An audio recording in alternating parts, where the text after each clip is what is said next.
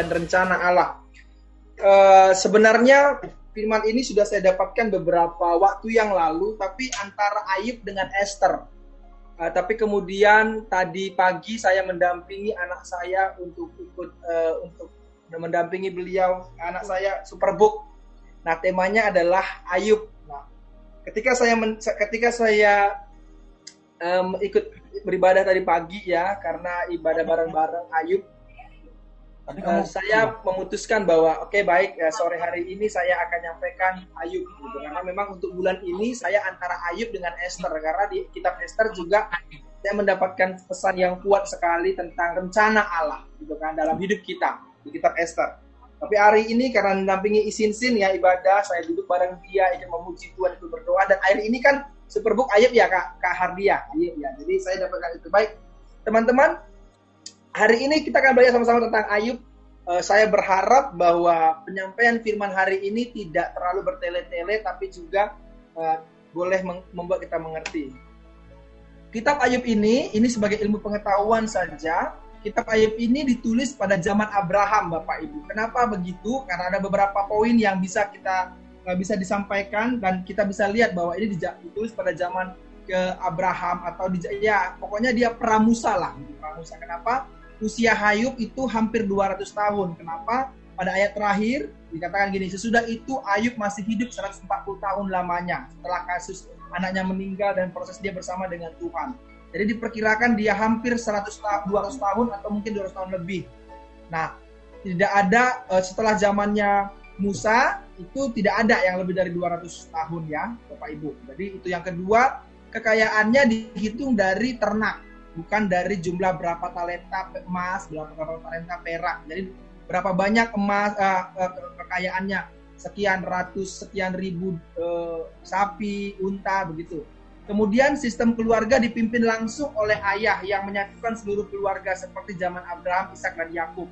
Itu ter, itu terlihat di dalam bagaimana si Ayub ini berdoa untuk anak-anaknya ketika anak-anaknya melakukan pesta. Dia mengangkat persembahan kepada anak uh, untuk anak-anaknya, berdoa untuk anak-anaknya. Jadi hal itu menunjukkan bahwa sama seperti Abraham, Ishak dan Yakub. Kalau kita lihat bagaimana zamannya si uh, uh, khususnya zamannya Ishak ya, zamannya Ishak itu sekalipun anak-anaknya Ishak ya kan kayak Yehuda udah menikah, tetap Ishak yang memimpin. Uh, sorry, sorry Yakub Yakub tetap Yakub yang ambil peran ya. Jadi tetap Yakub itu mengambil peran. Jadi dia adalah pemimpin. Jadi kepala keluarga sebelum dia mati dia pemimpin. Kemudian uh, serbuan orang Sheba, serbuan orang Kasdim itu cocok pada zaman Abraham. Oke. Okay. Kemudian tidak ada satupun petunjuk sama sekali yang merujuk pada sejarah Israel dan hukum Musa. Kita tahu bahwa uh, kalau sudah mulai dari zamannya hukum Musa, zamannya Musa sampai dengan kitab Wahyu, maka hukum-hukum Musa itu tidak bisa lepas dari uh, kitab kecuali pada kejadian. Kitab kejadian tidak ada. Kenapa? Memang karena belum uh, turun hukum Taurat ya. Nah jadi sejarah Israel juga belum ada waktu itu. Jadi itu menunjukkan bahwa kitab Ayub itu Ayub itu hidup pada zaman pra Musa. Kemudian Ayub bertindak sebagai imam untuk keluarganya sesuatu yang sangat dilarang dalam hukum Taurat. Yang menjadi imam oleh keluarga harus imam yang dari keturunan Lewi.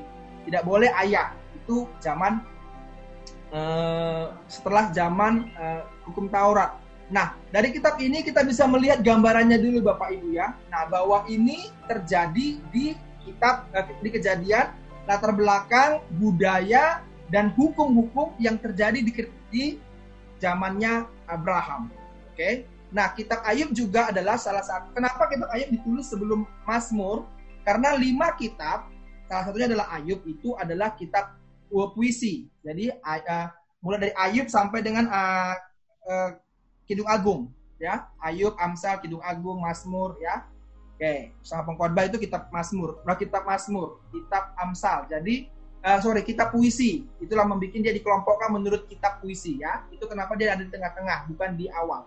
Baik. Nah, kita belajar dari Ayub ini. Ayub ini Alkitab katakan dia adalah seorang yang saleh dia adalah seorang yang jujur. Dia adalah takut akan Tuhan dan menjauhi kejahatan. Itu disebutkan sampai tiga kali secara berulang. Kita tahu sama-sama ketika Alkitab berbicara dua kali sesuatu yang berulang, itu menunjukkan sesuatu yang penting. Nah, satu kali disebut oleh sang penulis sendiri.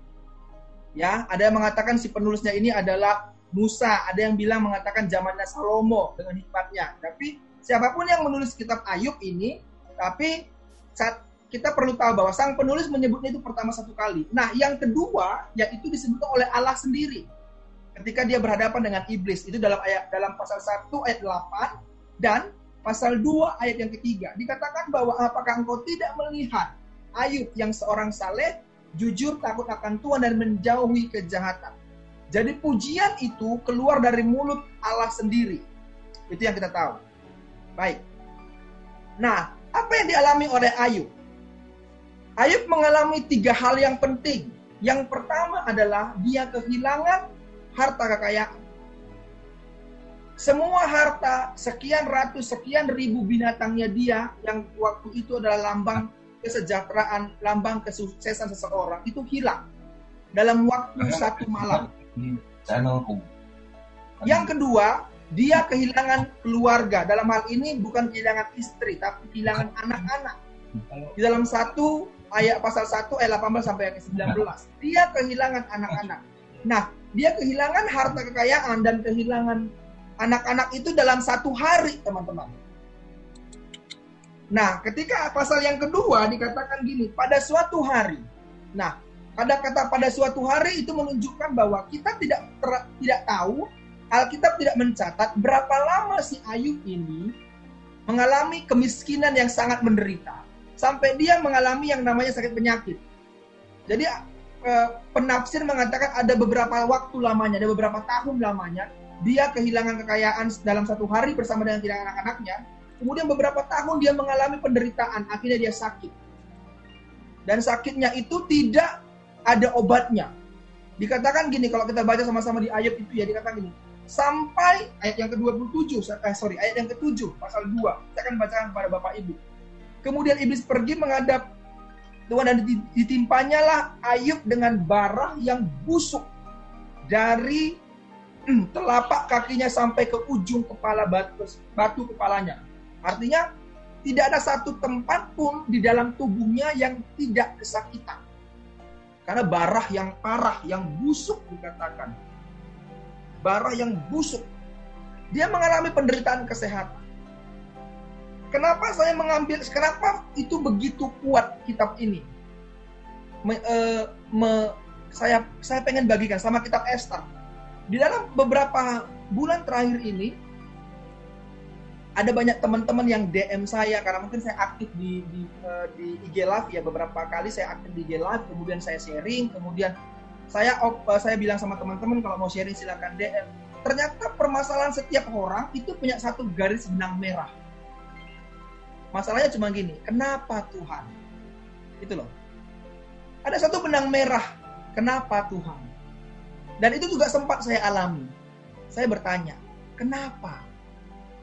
Kenapa harus begini? Kenapa harus begitu? Apa yang dialami oleh Ayub? Nah, ayat yang ke-9 sampai ayat yang ke-10, pasal 2. Saya akan bacakan kepada Bapak Ibu. Kalau Bapak Ibu hari ini punya punya uh, Alkitab boleh buka ya. Kita ada di Ayub nanti di ayat pasal 1, pasal 2 sama pasal 42 sama 38 nanti ya.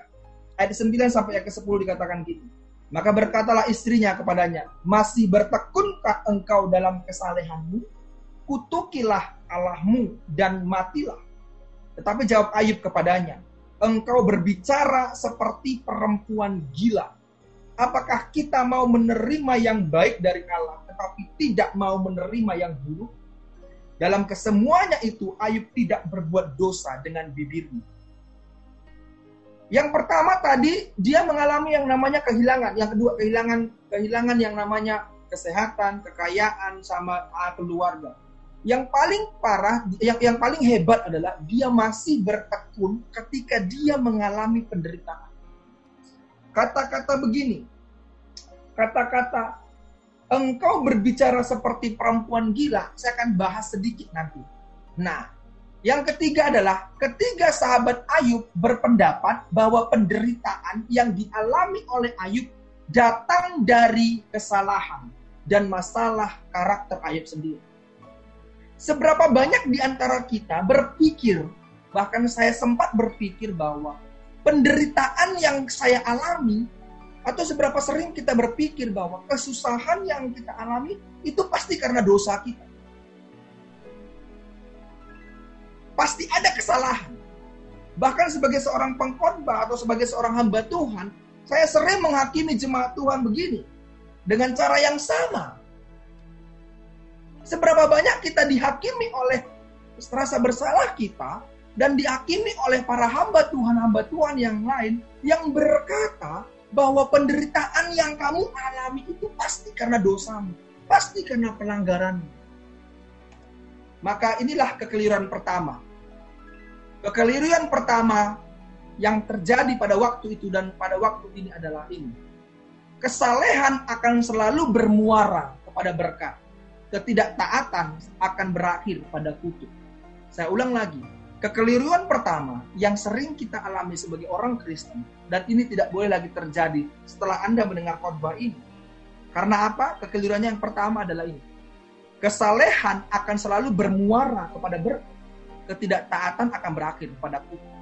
Sekarang pertanyaan dengan kalimat ini, dengan pernyataan ini, dengan justifikasi seperti ini, kita akan kembalikan ini kepada Ayub. Maka ini akan mental, tidak akan mempan, tidak tidak tidak terjawab penderitaan Ayub. Apakah pen, apakah kutuk yang terjadi pada Ayub itu karena ketidaktaatan kepada Allah? Jelas sekali Allah berkata, lihat hambaku Ayub yang saleh.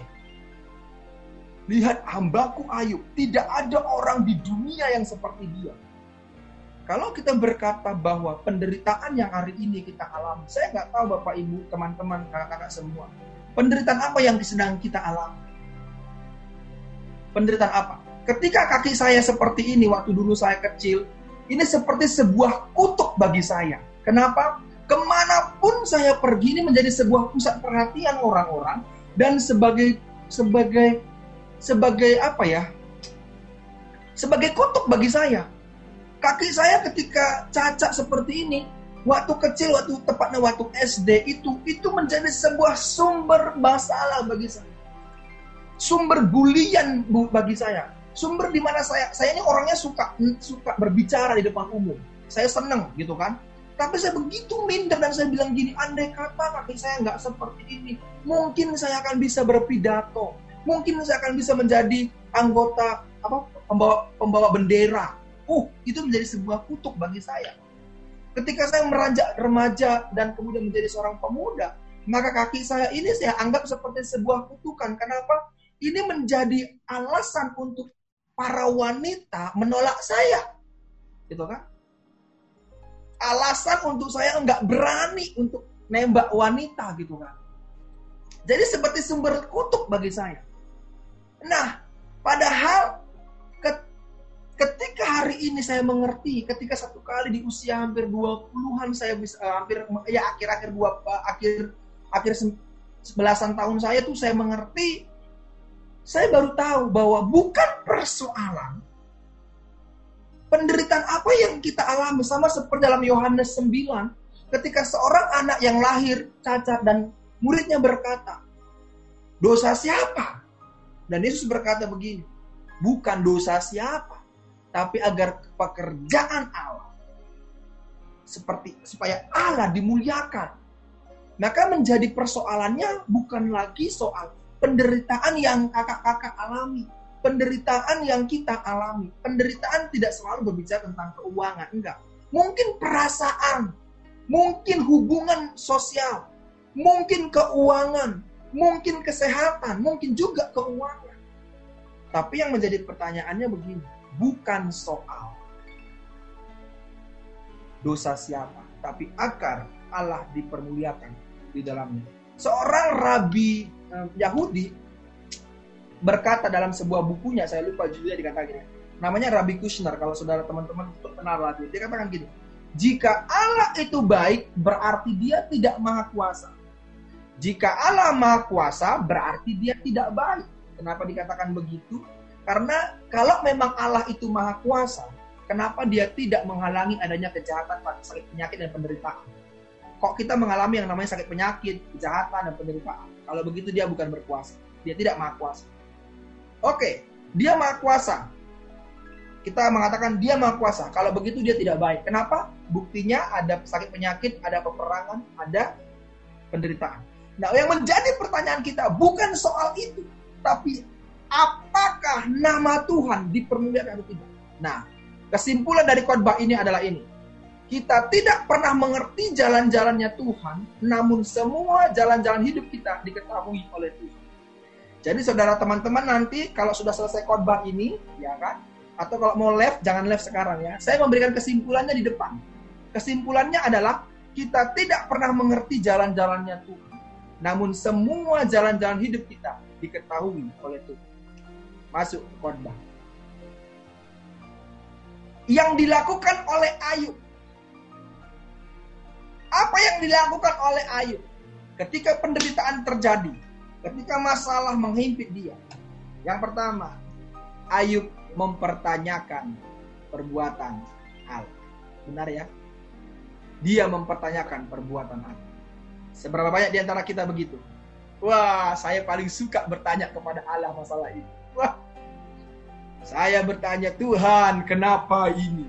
Seberapa banyak kita begitu? Ketika ada satu kali masalah datang. Kenapa? Itu yang terjadi dengan Rabi Kusner ini. Dia mendapat berita, jadi anaknya kedua lahir, wanita. Uh, dia bangga sekali. Anak keduanya lahir. Wah, dia senang banget perempuan anak kedua ini.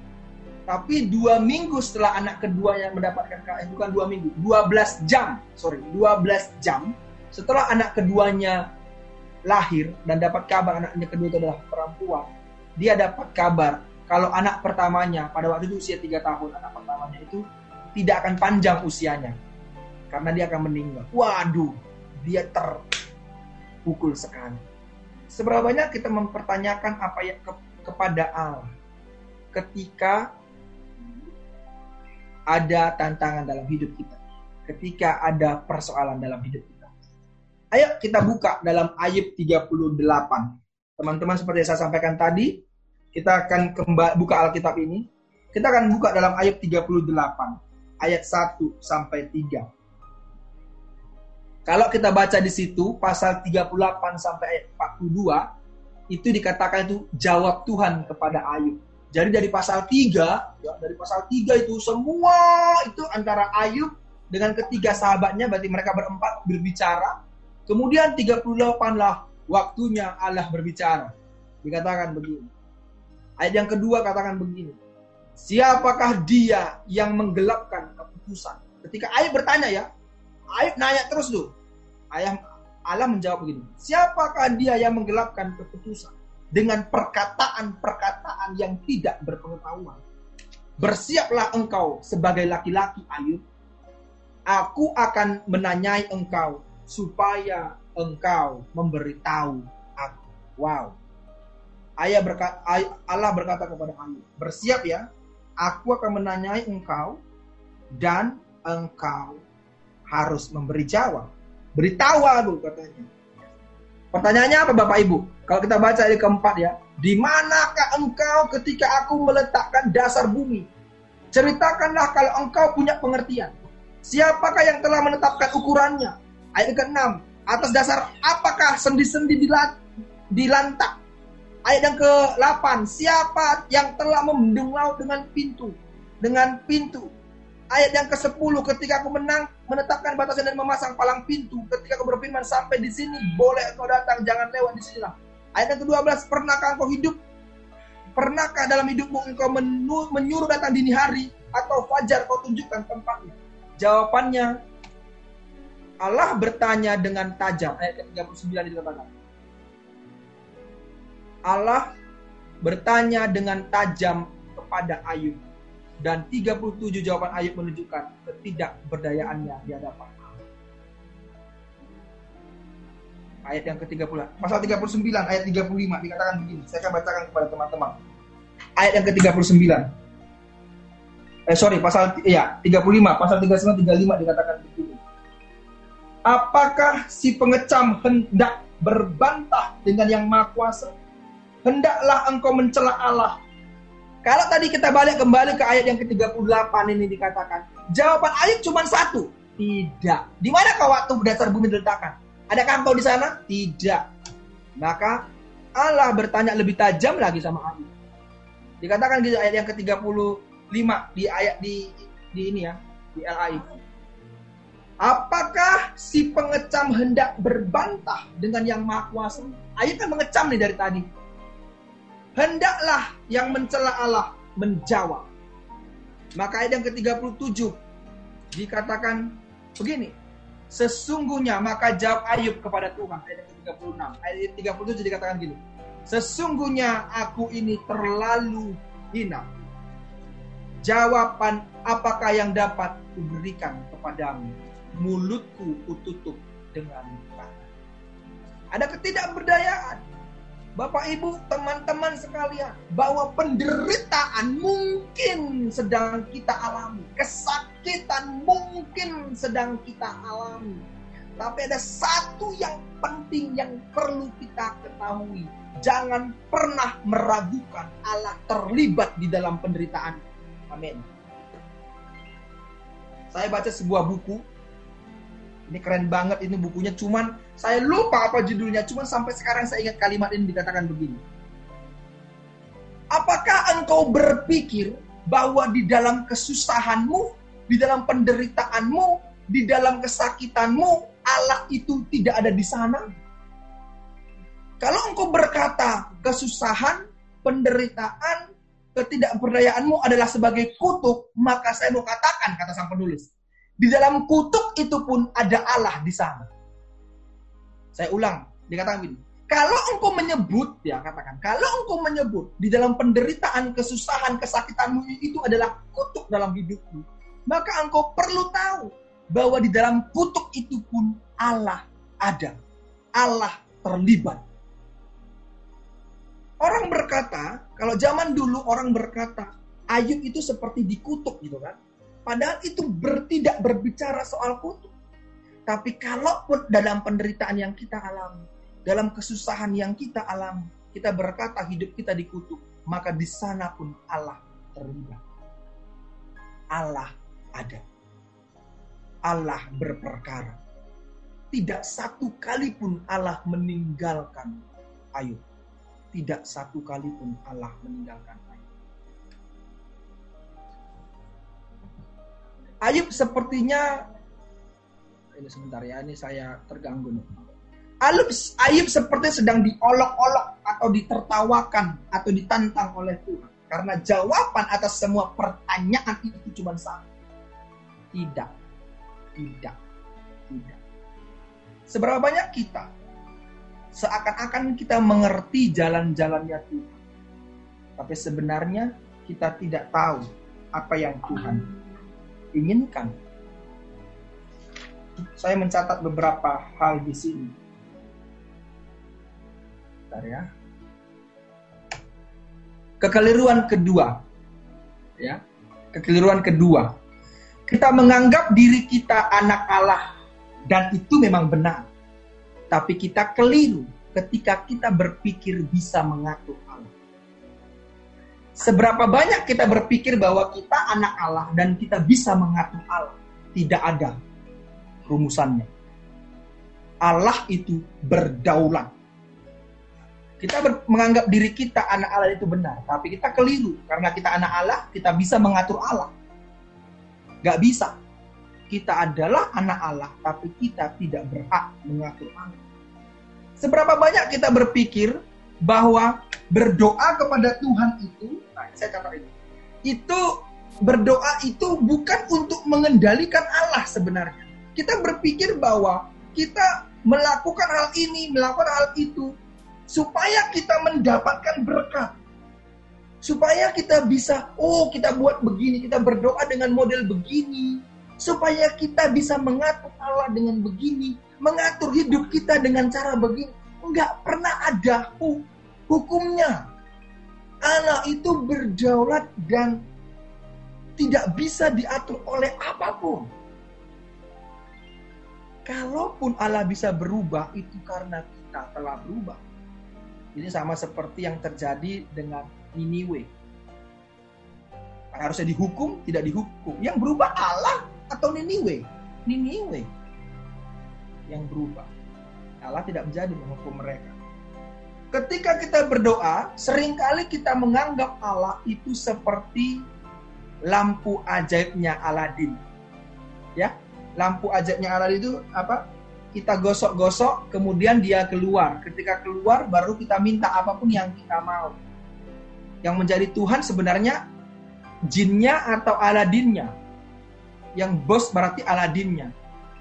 Kita memperlakukan Tuhan mirip seperti lampu Aladin. Yang kedua, apa yang dilakukan oleh Ayub? Proses hidup itu, penderitaan hidup itu, kesusahan yang dialami membuat dia mengenal Allah secara pribadi. Ayat 42 ayat 5 katakan gini. Hanya kata orang saja aku mendengar engkau, tetapi mataku sendiri memandang. Kalau dulu aku kenal kamu Tuhan, itu dari apa kata orang? Sekarang enggak. Aku mengenal Tuhan dari aku memandang engkau. Allah merupakan sebenarnya kalau kita mau lihat ya, kalau kita mau lihat sungguh-sungguh, kitab Ayub itu tokoh utamanya bukan iblis dan bukan Ayub, tetapi Allah sendiri. Itulah tokoh utamanya. Itu tentang Allah, tentang kedaulatan Allah. Itu mematahkan anggapan yang selama ini terjadi di zaman yang ada waktu itu. Persepsi yang berkata Engkau kaya itu berarti engkau sesuai dengan apa yang Tuhan mau hidupmu. Kalau engkau miskin berarti hidupmu tidak sesuai dengan apa yang Tuhan mau. Itu persepsi yang ada. Itu dibantah habis oleh Allah melalui kisah hidup Ayub. Ayub ini dia salah dipuji oleh Allah habis menderita hilang. Tadi kalau saya saya bilang tadi ada mungkin proses beberapa tahun atau beberapa puluh tahun antara dia miskin sekali dengan dia sakit. Karena ayat yang pasal yang kedua dikatakan pada suatu hari. Ada beberapa tahun, ada beberapa puluh tahun, atau beberapa ada waktu. Itu jadi bayangkan ya, satu hari dia kehilangan dua hal yang penting. Satu kekayaannya, dua anaknya. Hilang satu hari. Tapi beberapa tahun kemudian, beberapa waktu kemudian, atau mungkin beberapa hari kemudian, atau mungkin beberapa puluh tahun kemudian, kehilangan kesehatan. Bayangkan penderitaan yang dialami oleh Ayub. Itulah kenapa pada ayat yang terakhir hanya kecil sekali porsi yang mengatakan pemulihan Ayub. Hanya ada beberapa ayat saja. Ayatnya cuma hari ayat ke-12, 13, 14, 15. Sudah.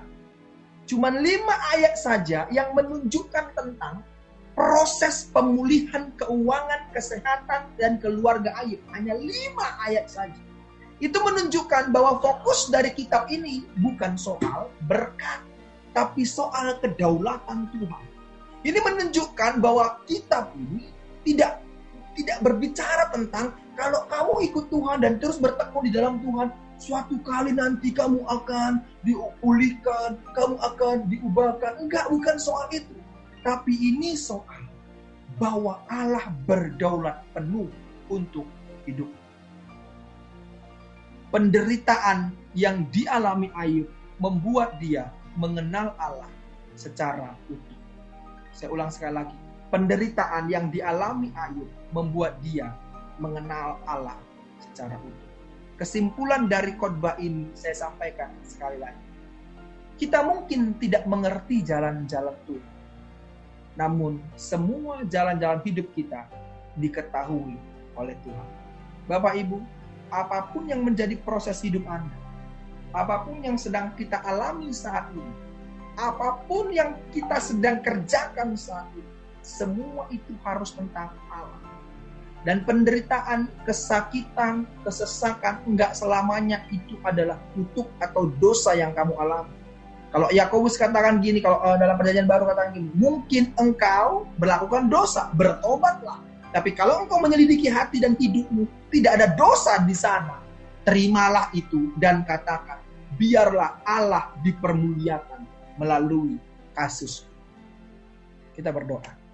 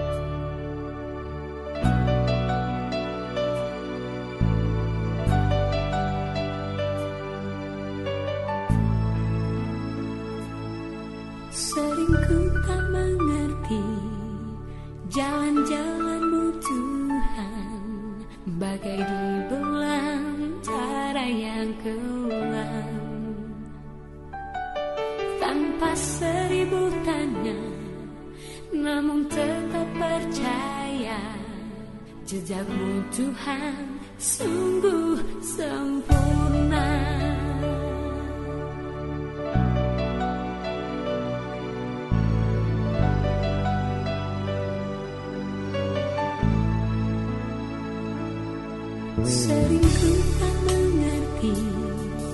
Jalan-jalanmu Tuhan Bagai